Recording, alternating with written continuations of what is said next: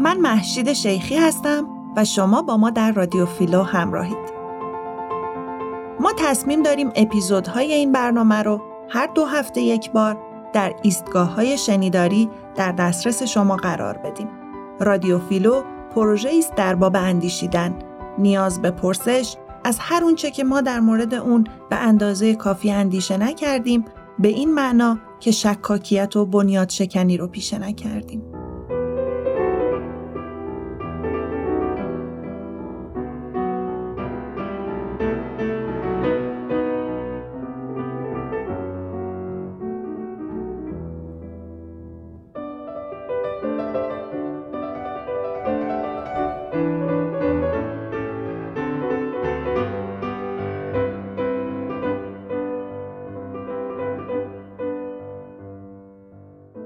دوستان و همراهان درود در اپیزودهای قبلی رادیو فیلو براتون گفتیم که می‌خوایم به ساختار آگاهی انسان ایرانی بپردازیم و این ساختار آگاهی رو زیل سه ساختار سکسوالیته یا تمایل جنسی، سرمایه و خاطره جمعی طبقه بندی کردیم و گفتیم که ساختار تمایل جنسی اولین و مهمترین ساختاری هست که میبایست مورد بررسی و شناخت دقیق قرار بگیره.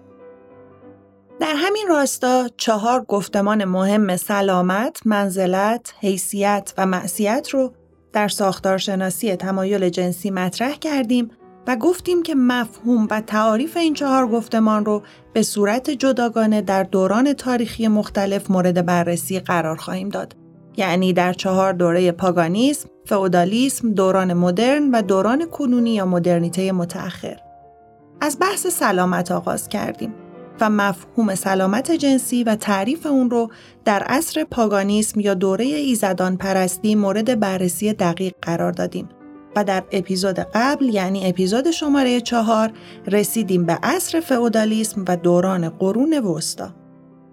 لازم دیدیم برای اینکه بتونیم درک درستی از ساختار تمایل جنسی در این نظام پیدا کنیم اول المانهای نظام حاکم بر این دوران رو بشناسیم و ساختار طبقاتی اقتصادی و مذهبی رو بررسی کنیم و این کار رو در mورد اروپای قرون وسطا که مظهر تجلی تام فئودالیسم در دنیاست انجام دادیم. در خصوص فئودالها، واسالها، ساختار کلیسا و مناسبات شوالیهگری و ساختار آریستوکراسی و اشراف سالاری در این دوران توضیحات نسبتا کاملی ارائه دادیم. گفتیم که فضائل خانواده تک همسر بنیاد هسته‌ای دهقانی به دلیل جمعیت بالا، تأثیر بیشتر در تولید و مناسبات جنگاورانه توی جامعه باز تولید شده و این مدل به عنوان مدل سوار بر اسب برنده تاریخ شناسایی شده. و توسط نظام سلامت و پزشکی مفاهیم مربوط به اون برای جامعه از نو تولید و به صورت گفتمان غالب در اومده.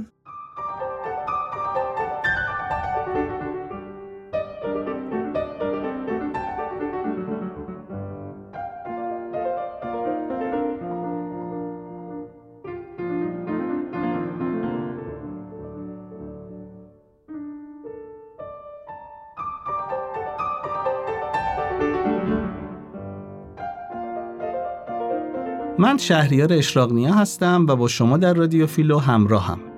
خب می‌رسیم به اپیزود حاضر یعنی اپیزود شماره 5 رادیو فیلو که در اون به بررسی دقیقتر ساختار تمایل جنسی در دوران قرون وسطا در اروپا می‌پردازیم و بعد از اون به سراغ نحوه شکلگیری و مختصات و مشخصات نظام فئودالی در ایران و شباهتها و تفاوتهاش با فئودالیسم اروپایی میریم.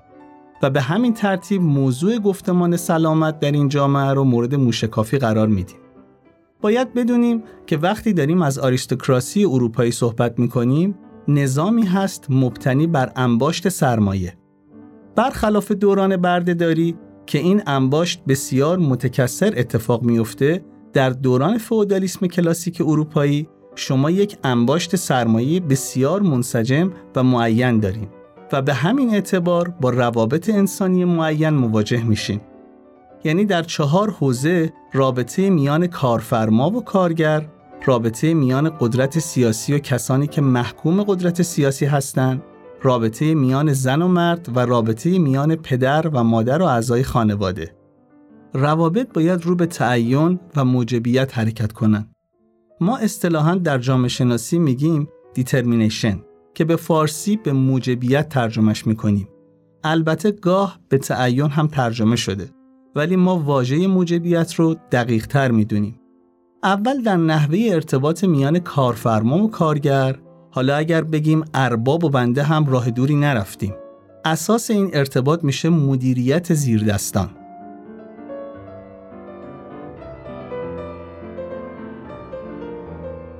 خب در این رابطه اولا من قبول دارم که زیردست هستم.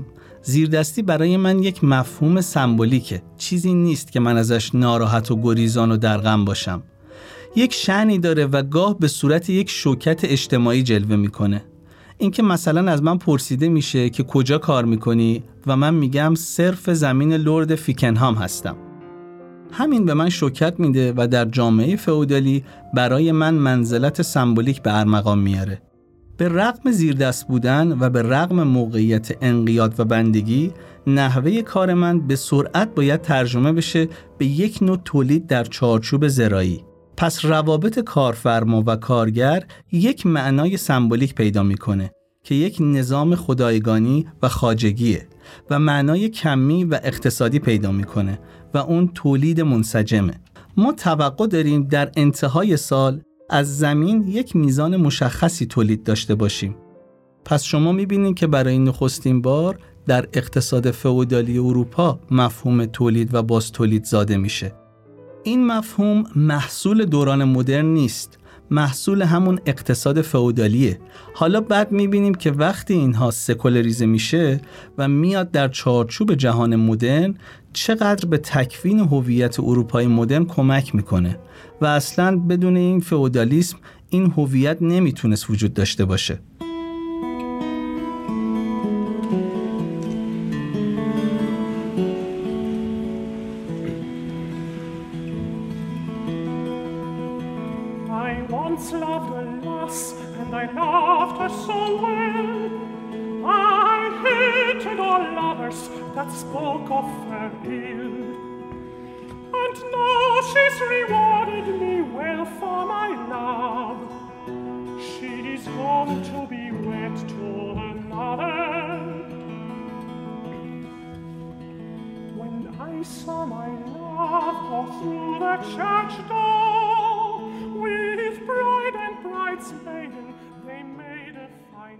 من امیر حسین ابراهیم هستم و در رادیو فیلو با شما همراهم.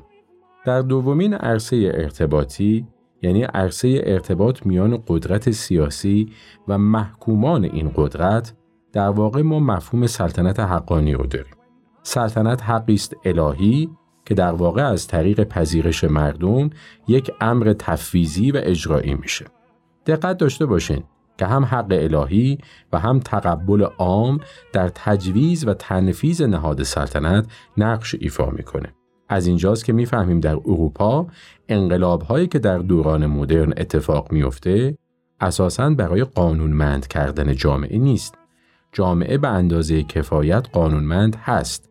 برای تغییر قانونمندی از سلطنت حقانی به اراده جمهوره نه اینکه مثلا ما بگیم که مثل دوره مشروطیت ما بی قانونیم و کلمه قانون بیاد و ما رو نجات بده. نه ما با مردمان قانونمند سر و کار داریم و قانونمندی ایشان با یک اراده عمومی بناس جایگزین بشه. در سومین حوزه ارتباطی یعنی در نحوه ارتباط میان زن و مرد مسئله قوانین معین تولید نقش پیدا می‌کنه. کما اینکه ما در تولید فئودالی توقع داریم که زمین زراعی به بهرهوری مناسب برسه از رابطه زن و مرد هم توقع داریم که در اون رابطه بهرهوری مناسب اتفاق بیفته پس ما زنان رو روسپین نمی کنیم و از مردان هم توقع نداریم که به دنبال ازدیاد ابژه های میل جنسی باشد. پس اخلاق فئودالی چه برای خود فئودال و چه برای مردم تجویز محدودیت در نحو ارتباط رو داره. برای افزایش میزان بهرهوری بدن و محدود نگه داشتن اموری که در واقع می‌تونه به تلاشی اجتماعی منجر بشه. حالا این تلاشی اجتماعی چیه؟ روسبیگریه. مسائلیه که منجر به عدم کنترل دین بر جامعه خواهد شد.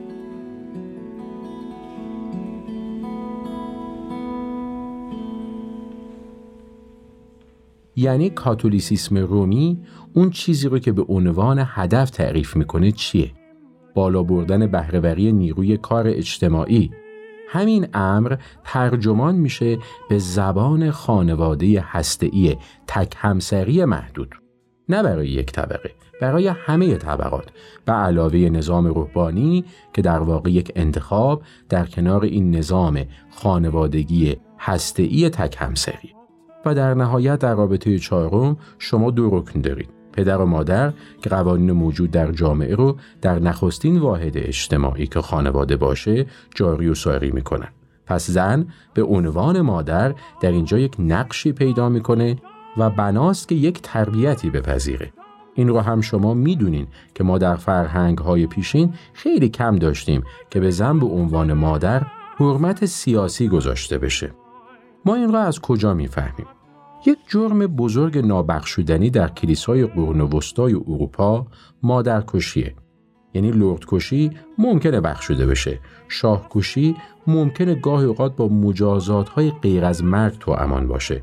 اما امری که به طور یقین فرد رو به خاطرش میکشتن اون هم در ملع عام و به فجیعی ترین وضع مادرکشی بود. چون این تلقی برای کلیسا وجود داره که ما یک مادر مقدس باکره در آسمان داریم و یک مادر مقدس همبستر در خانواده و این شخص قطعا میباید حرمتش تضمین بشه.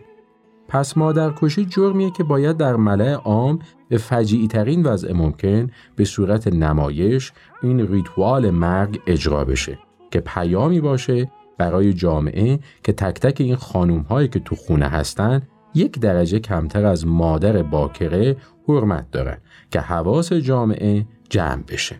به همون میزان روسپیگری هم به یک امر بسیار مزموم، نکوهیده و مشمول مجازات سنگین توی جامعه تبدیل میشه. این معنا به اخلاق مسیحی برمیگرده. این الگوی بهرهوری فئودالی الزام می‌کنه که آدمها ابژه میل جنسی خودشون رو توی مزرعه شخصیشون نگه داره.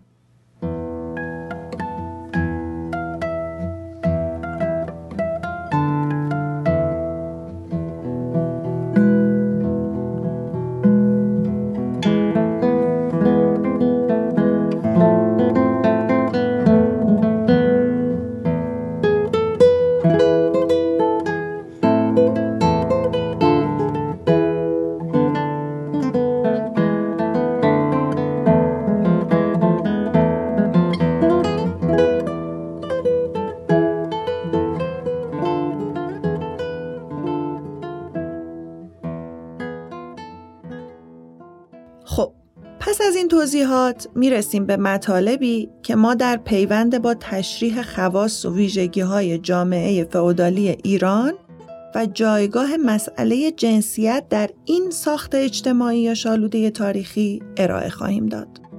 برای شروع بحث در این مورد ابتدا به شباهت ها و تفاوت های نظام فئودالیسم در ایران و اروپا می‌پردازیم که موضوع تا اندازه‌ای برامون روشنتر بشه. همیشه این پرسش مطرح بوده که آیا فئودالیسم شکل یافته در اروپا انتباقی بر تاریخ سیاسی و اجتماعی ایران داره و آیا نظام ارباب رعیتی ایران همون فئودالیسم اروپاییه؟ پس از انتشار مانیفست کمونیست در سال 1848 توسط مارکس و انگلس و طی سالیان بست و گسترش دیدگاهاشون نگرش اونا نسبت به سیر تحولات تاریخ جهان بر مبنای دیدگاه ماتریالیسم تاریخی بوده. به این معنی که تاریخ تحولات جهان بر مبنای کشمکشا و منازعات طبقاتی بین طبقه استثمار کننده و طبقه استثمار شونده شکل گرفته و بر اساس تفاوت ابزار تولید تقسیم بندی میشه. بر مبنای این دیدگاه انسانها در ابتدا و در دوره تحت عنوان کمون اولیه هیچ گونه مالکیتی بر ابزار تولید نداشتند و تمامی انسان به یک اندازه از مواهب طبیعی برخوردار بودند. در این دوره دولت و مالکیت شخصی وجود نداشت اما با شکلگیری مالکیت فردی اساس نابرابری توی تاریخ زندگی انسان ایجاد شد. در تحقیقات صورت گرفته از سوی محققان مارکسیست دوره مادها برابر با دوره بردهداری در ایران منظور میشه. این محققان میگن که در اواخر دوره اشکانی روابط مبتنی بر بردهداری جای خودشو به نظام فئودالی داده اما از نظر اونا روند تکامل روابط فئودالی در ایران از زمان پادشاهی ساسانیان آغاز شده و سراسر تاریخ ایران تا زمان اصلاحات ارزی در سال 1342 دارای نظام فئودالی بوده.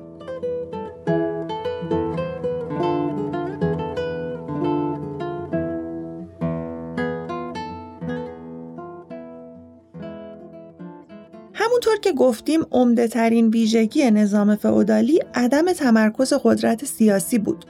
اما وجود دولت نیرومند مرکزی و نظام متمرکز سیاسی در تضاد با شرایط نظام فئودالیه. به همین جهت مورخان مارکسیست برای غلبه بر این تضاد به نظام اقطاع در تاریخ ایران اشاره کردند و در پی اون بودند که اثبات کنند اقطاعداران از استقلال نسبتا کاملی در مقابل دولت مرکزی برخوردار بودند. این محققان در مقابل دولت نیرومند ساسانی به 6 تا خاندان قدرتمند اشاره می‌کنن که بعدا توضیحاتش رو براتون میدیم که دولت مرکزی در قلمرو این خاندانها قدرتی نداشت یا در دوره خلافت عباسیان مالکان عراضی اقتا از قدرت سیاسی و اقتصادی بسیاری برخوردار بودند و افزایش قدرت این اقتاداران موجب کاهش قدرت خلافت شد. در دوره مغلا هم هرچند دولت مرکزی قدرتمندی بر سر کار اومد اما به دلیل عدم آگاهی دیوانی مغولان از ایرانیا به این منظور استفاده شد. بنابراین در مناطق مختلف ایران خاندانهای قدیمی به قدرت سیاسی و اقتصادی رسیدند. در دوره مغولان علاوه بر حکومت مرکزی، معموران دیوانی، روحانیان عالی مقام و اعیان محلی قدرت سیاسی و اقتصادی رو در اختیار خودشون داشتند. در دوران صفویه، افشاریه، زندیه و قاجار هم این مطلب صادقه.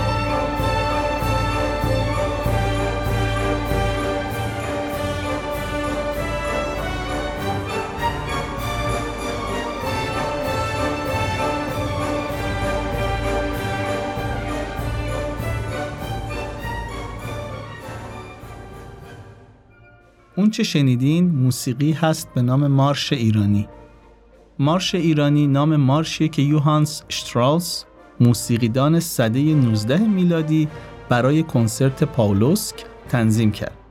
او این اثر رو در ابتدا مارش قشون ایرانی نامگذاری کرده بود. این اثر دست کم 65 بار اجرا شده و حتی اثر محبوب سازندش در تمام طول زندگیش بوده. بعدها وقتی ناصرالدین شاه برای بازدید از نمایشگاه جهان در سال 1873 به وین اومده بود، یک گروه موسیقی نظامی که نتونسته بودن سرود ملی ایران رو پیدا کنن، به جای اون این مارش رو برای ورود شاه اجرا کردند. این مارش شعری به زبان فرانسه داره که سروده میرزا رضاخان دانش یا پرنس ارفا هست و در آلبوم های نوت به دست اومده از کاخ گلستان که متعلق به دوران قاجار هستند عنوان این مارش سرود ملی ایران هست. این مارش رو نباید با مارش بی کلام دیگه ای به نام مارش ایران اثر علی نقی وزیری اشتباه گرفت. تقریبا یک قرن بعد از تصنیف این اثر در سال 1960 از طرف مقامات دولتی ایران از دکتر مارسل پراوی خواسته شد که مارش ایرانی اشتراس را در برنامه دیفلدر ماوس که قرار بود با حضور پادشاه ایران محمد رضا شاه پهلوی اجرا بشه قرار بده اما در همون شب اجرا با فاصله کوتاهی وقتی متوجه شدند که مارش مربوط به سلسله ساقط شده ای توسط سلسله فعلیه مارش رو از برنامه حذف کردند.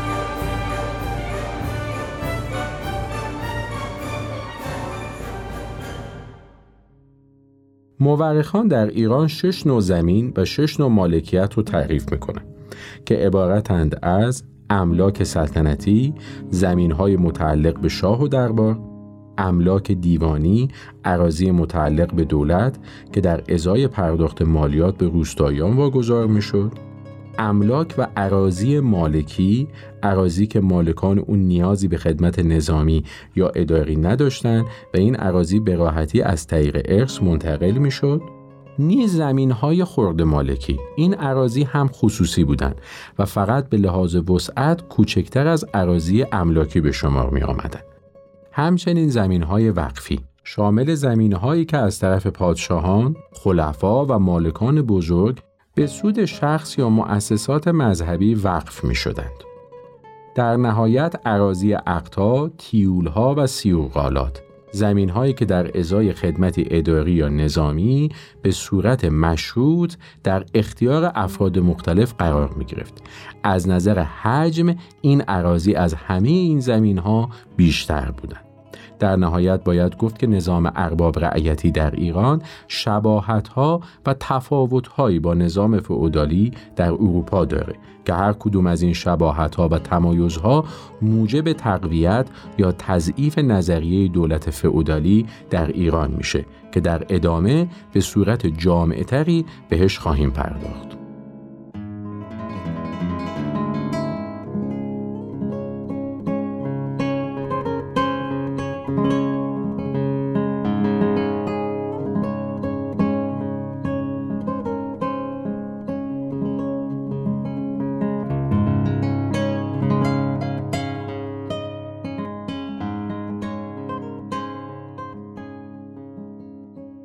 خصوص تفاوت هایی که با فئودالیسم اروپایی وجود داره میشه این موارد رو ذکر کرد. در اروپا نظام بردهداری با فئودالیسم جایگزین شد. کلیسا مانع بازگشت بردهداری می‌شد. اینجا لازمه که توضیحات بیشتری در مورد نقش کلیسا در اروپا بدیم. کلیسای کاتولیک یک نقش بسیار رهایی بخش داشته در اروپا. به هیچ عنوان اجازه نمی‌دادند که کسی بتونه اونقدر بدهکار بشه که کسی بتونه بدنش رو تصاحب بکنه. نیکولای ترون کتابی داره با ژک لوگوف به نام تاریخ بدن در قرون وسطا. این بدن مال کلیساست و کسی حق نداره اون رو تصاحب کنه. خصوصا بدن زنان. در نتیجه از 1215 کلیسا برای روسپیان قوانینی تنظیم می‌کنه و اونها هرگز کنیز نمی شدن. زنها هم علکی نمی‌تونن بیان و راهبه بشن. زمانی باید بیان و خانواده رو رها کنن که وظایفشون یا به پایان رسیده باشه و یا ما قبل این وظایف مثلا یه بچه دوازده ساله است که میاد و راهبه میشه.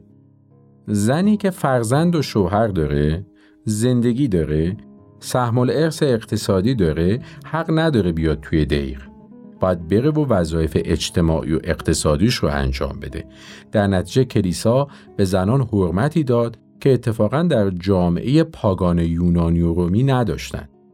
از سده 19 به بعد بر پایی این نوع از حرمت حقوق مدرن زن بازسازی میشه و اصلا بر این اساسه که طلاق حرامه مدت طولانی زنان در یک خانواده جاگیر می شدن و هیچ کسی در ابژه این مرد با این زن شریک نمی‌شد. و حتی اگر اون مرد هم می‌خواست جامعه اجازه همچین شراکتی رو نمی‌داد.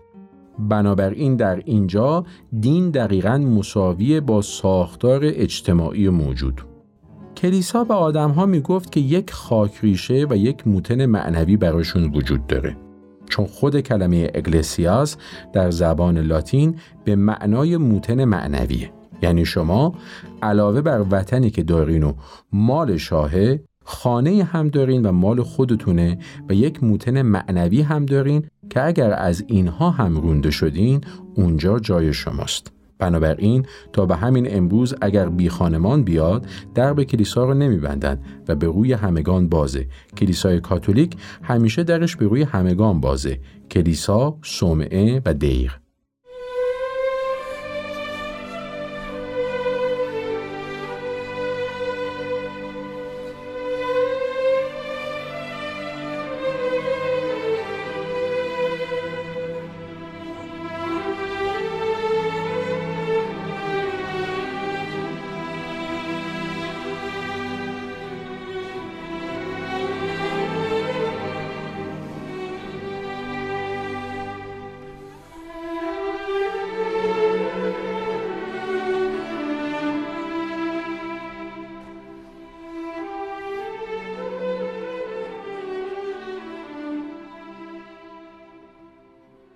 شنیدین موسیقی بود به نام شهرزاد. سویت سمفونیک شهرزاد یکی از آثار نیکولای ریمسکی کورساکوفه. کورساکوف شهرزاد رو در سال 1888 میلادی و بر پایه داستانهای هزار و یک شب نوشته. شهرزاد رو می‌تونیم یکی از محبوب ترین ساخته های کورساکوف به شمار بیاریم. این اثر ارکسترال نمونه بارز ترکیب متمایز کننده آثار کورساکوف در آمیزش سازبندی خیال پردازانه و رنگارنگ با ملودی های پرزرق و برقه. این اثر شامل چهار موومانه. موومان اول دریا و کشتی سندباد. موومان دوم داستان شاهزاده کلیندر. موومان سوم شاهزاده و شاهدخت جوان و موومان چهارم جشنواره بغداد دریا. ریمسکی کورساکوف هم مثل بسیاری از موسیقیدانان و هنرمندان روس شیفته فرهنگ های اسلامی سرحدات روسیه بود و از اونها الهام می گرفت و از جنبه های شگفتانگیز اونا در آثار خودش استفاده می کرد. همونطور که گفتیم شهرزاد سویتیه در مقیاس بزرگ و متشکل از چهار موومان مبتنی بر قصه هزار و یک شب. ریمسکی کورساکوف شیفته چهار تا از داستانها شده بود و چهار موومان اثرش متناسب با این چهار داستان.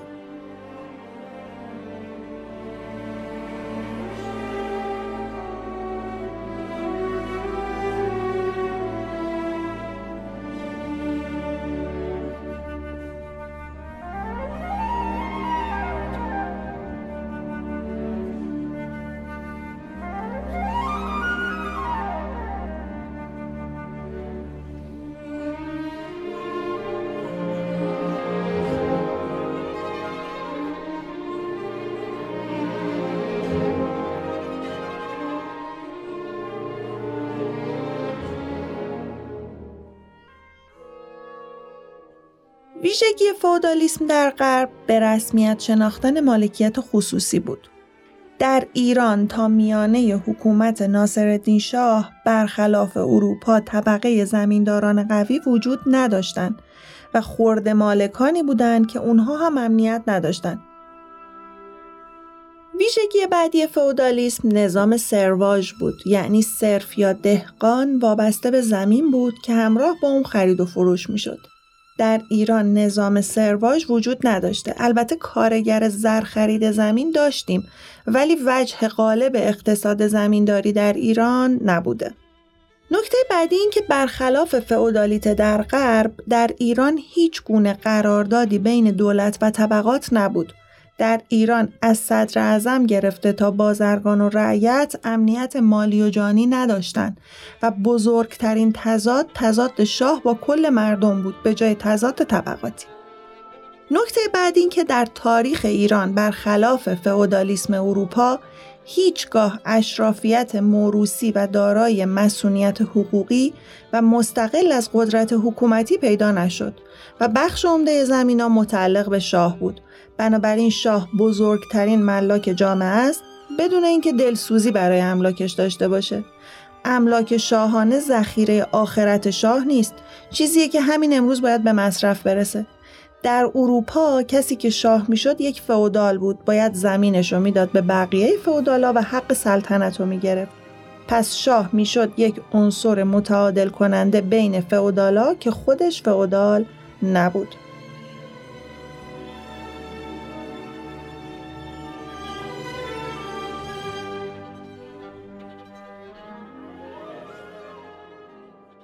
ویژگی بعدی فئودالیسم در اروپا حضور ارباب و فئودال در روستا بود و روستا مرکز تولید بود. برعکس در ایران که ارباب در شهر بود و شهر مرکز تولید نبود. مفهومی که داریم اینه که شهر در ایران بورگ اروپایی نیست. اردو شهره. شهرها در ایران حول محور اردو شکل گرفتن خصوصا از دوره سلاطین ترک به بعد. بنابراین اربابان در دل اردو شهر زندگی می کنند ولی وضعیت تولید در روستاست و وضعیت اردو نسبت به زندگی روستا همیشه یک زندگی انگلیه یعنی مدام این روستا خادم اردو شهره. ولی در اروپا این بورگه که مدام باید روستا رو از نظر وسایل کشاورزی و وسایل دفاعی تغذیه بکنه بنابراین یک روستای مولد داریم در اروپا و شهری که اون روستا رو تغذیه می‌کنه که ریشه پیدایش بورژوازی اون بورگرهای مولد اروپا هستند. در ایران اما اردو شهر تولیدی نداره و کاری هم برای روستا نمی‌کنه و صرفا همونطور که گفتیم انگلی هست در کنار روستا. و نکته آخر این که در اروپا ارث به پسر بزرگ می رسید و زمین ها تقسیم و خورد نمی شدن. اما در ایران طبق قانون اسلام بین فرزندان تقسیم می شد.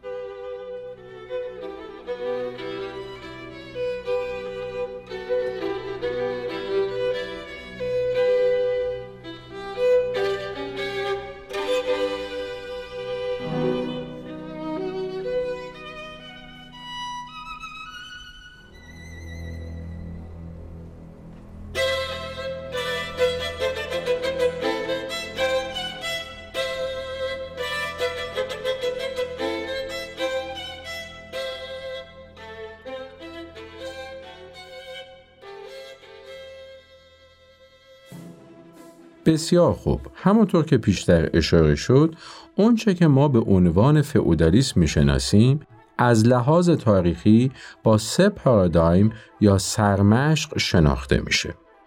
اولین پارادایم شهپدری یعنی سلطه مذکر هم از لحاظ فرهنگی هم از حیث جامعه شناختی نیز از لحاظ اخلاقی و معرفتیه یعنی ما در رأس حرم سیاسی جامعه شاهد وجود پادشاه هستیم. نورالانوار یا شیدانشید با اون ترکیب ایدئولوژیکی که مثلا ما در دوره ساسانی تجربه کردیم و بعد نمونه های مختلفش در دوره اسلامی باز تولید شده. این ایدئولوژی تعریف و ترسیم منزلت شاه به عنوان اون پدر سالار شماره یک کل جامعه یعنی اولین پارادایم جامعه فئودالیه. پارادایم یا سرمشق دوم اینه که با یک فرهنگ دینی نهادمند معین و شامل بر پرستش کاملا متمرکز مواجه هستیم که با اون الگویی که توضیح دادیم در عصر پاگانیسم بسیار متفاوته. یعنی ما در دوران پاگانیسم یک نوع گریز از مرکز داریم. در مونوتئیسم یا یک تاپرستی عصر فئودالی دقیقا گرایش به مرکز به وجود میاد. قانونمندی هم در معرفت و هم در اخلاق و هم در اونچه که در علوم اجتماعی سوشیال جاجمنت یا شیوه ارزش داوری اجتماعی نامیده میشه در میانه ما یک نوع قانونمندی و تمرکز داریم که مسئله غیرت، مسئله بها دادن به تیره و تبار و بغرنج وفاداری به اون ساختار فعودالی، به اون مناسبات اخلاقی، به اون مناسبات سیاسی رو درش می‌بینیم. و همه اینها هم وکالت دارند که یک نظم تولید اجتماعی و اقتصاد سیاسی معین رو سر پا نگه دارند. یعنی کل این معارف و اخلاقیات و وجدانیات و غیرو امور مستقل و قائم به ذاتی به شمار نمیرن بلکه در خدمت یک نظام مالکیت، یک نظام تولید اجتماعی و ضرورتا یک سیستم تولید رژیم حقیقت هستند.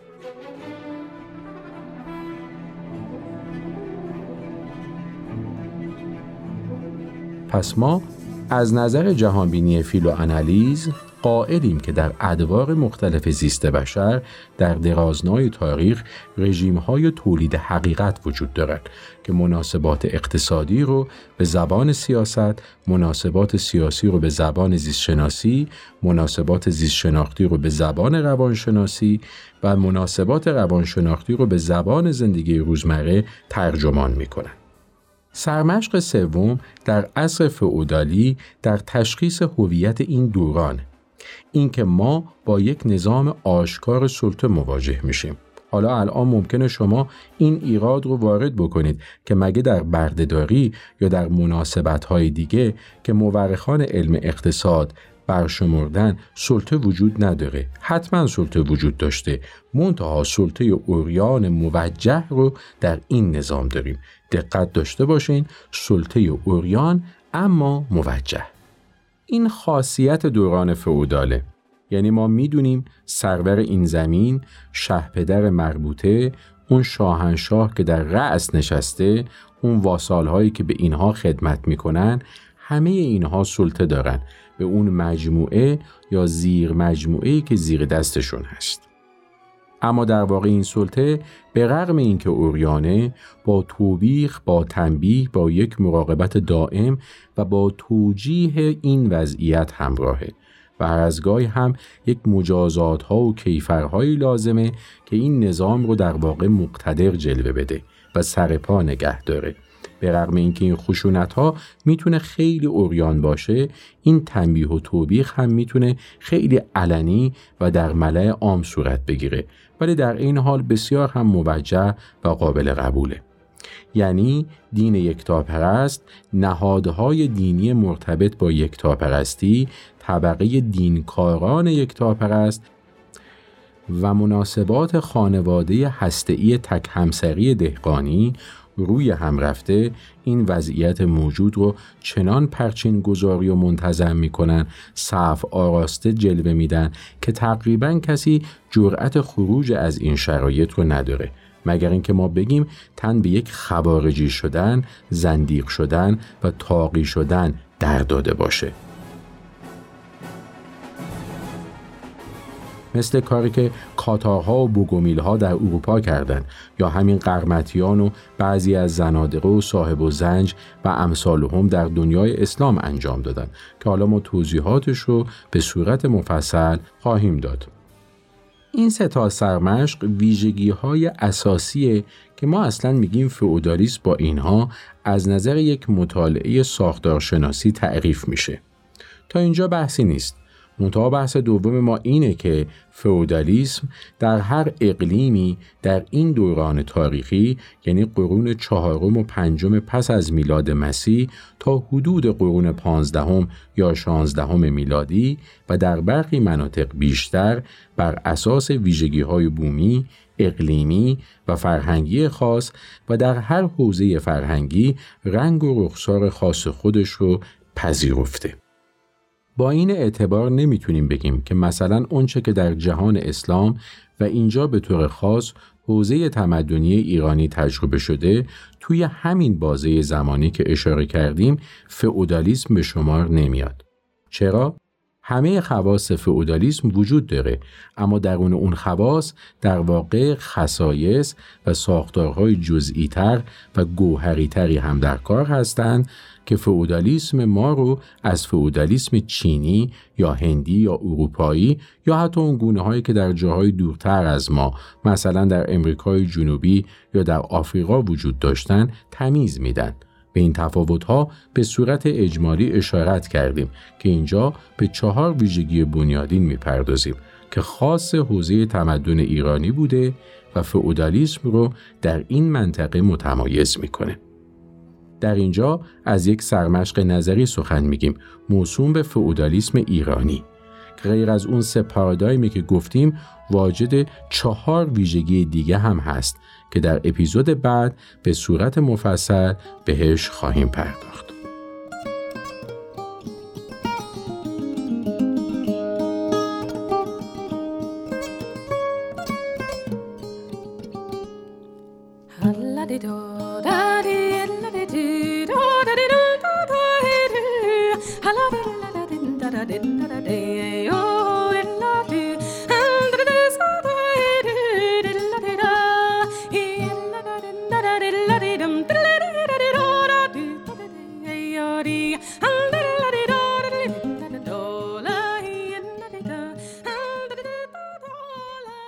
اپیزود در دی ماه سال 1400 ضبط شده و در اول بهمن ماه 1400 در دسترس شما دوستان عزیز قرار خواهد گرفت. راویان این اپیزود امیر حسین ابراهیم، شهریار اشراقنیا و محشید شیخی هستند. محتوای اپیزود به طور مشخص توسط امیر حسین ابراهیم آماده شده و پژوهش های مرتبط توسط محشید شیخی صورت پذیرفته. کارگردانی هنری و آماده سازی متنها توسط مهشید شیخی و شهریار اشراقمی انجام شده. ضبط پادکست در اسفندیار استودیو انجام شده و میکس و mastering صدا توسط محمد رضایی صورت پذیرفته. با سپاس از سهیل فاتحی عزیز به پاس همراهی با این اپیزود رادیو فیلو. ما رو در اینستاگرام رادیو فیلو می‌تونید دنبال کنید. که در اونجا بخشهایی از محتوای مربوط به هر اپیزود رو برای شما به اشتراک می‌گذاریم.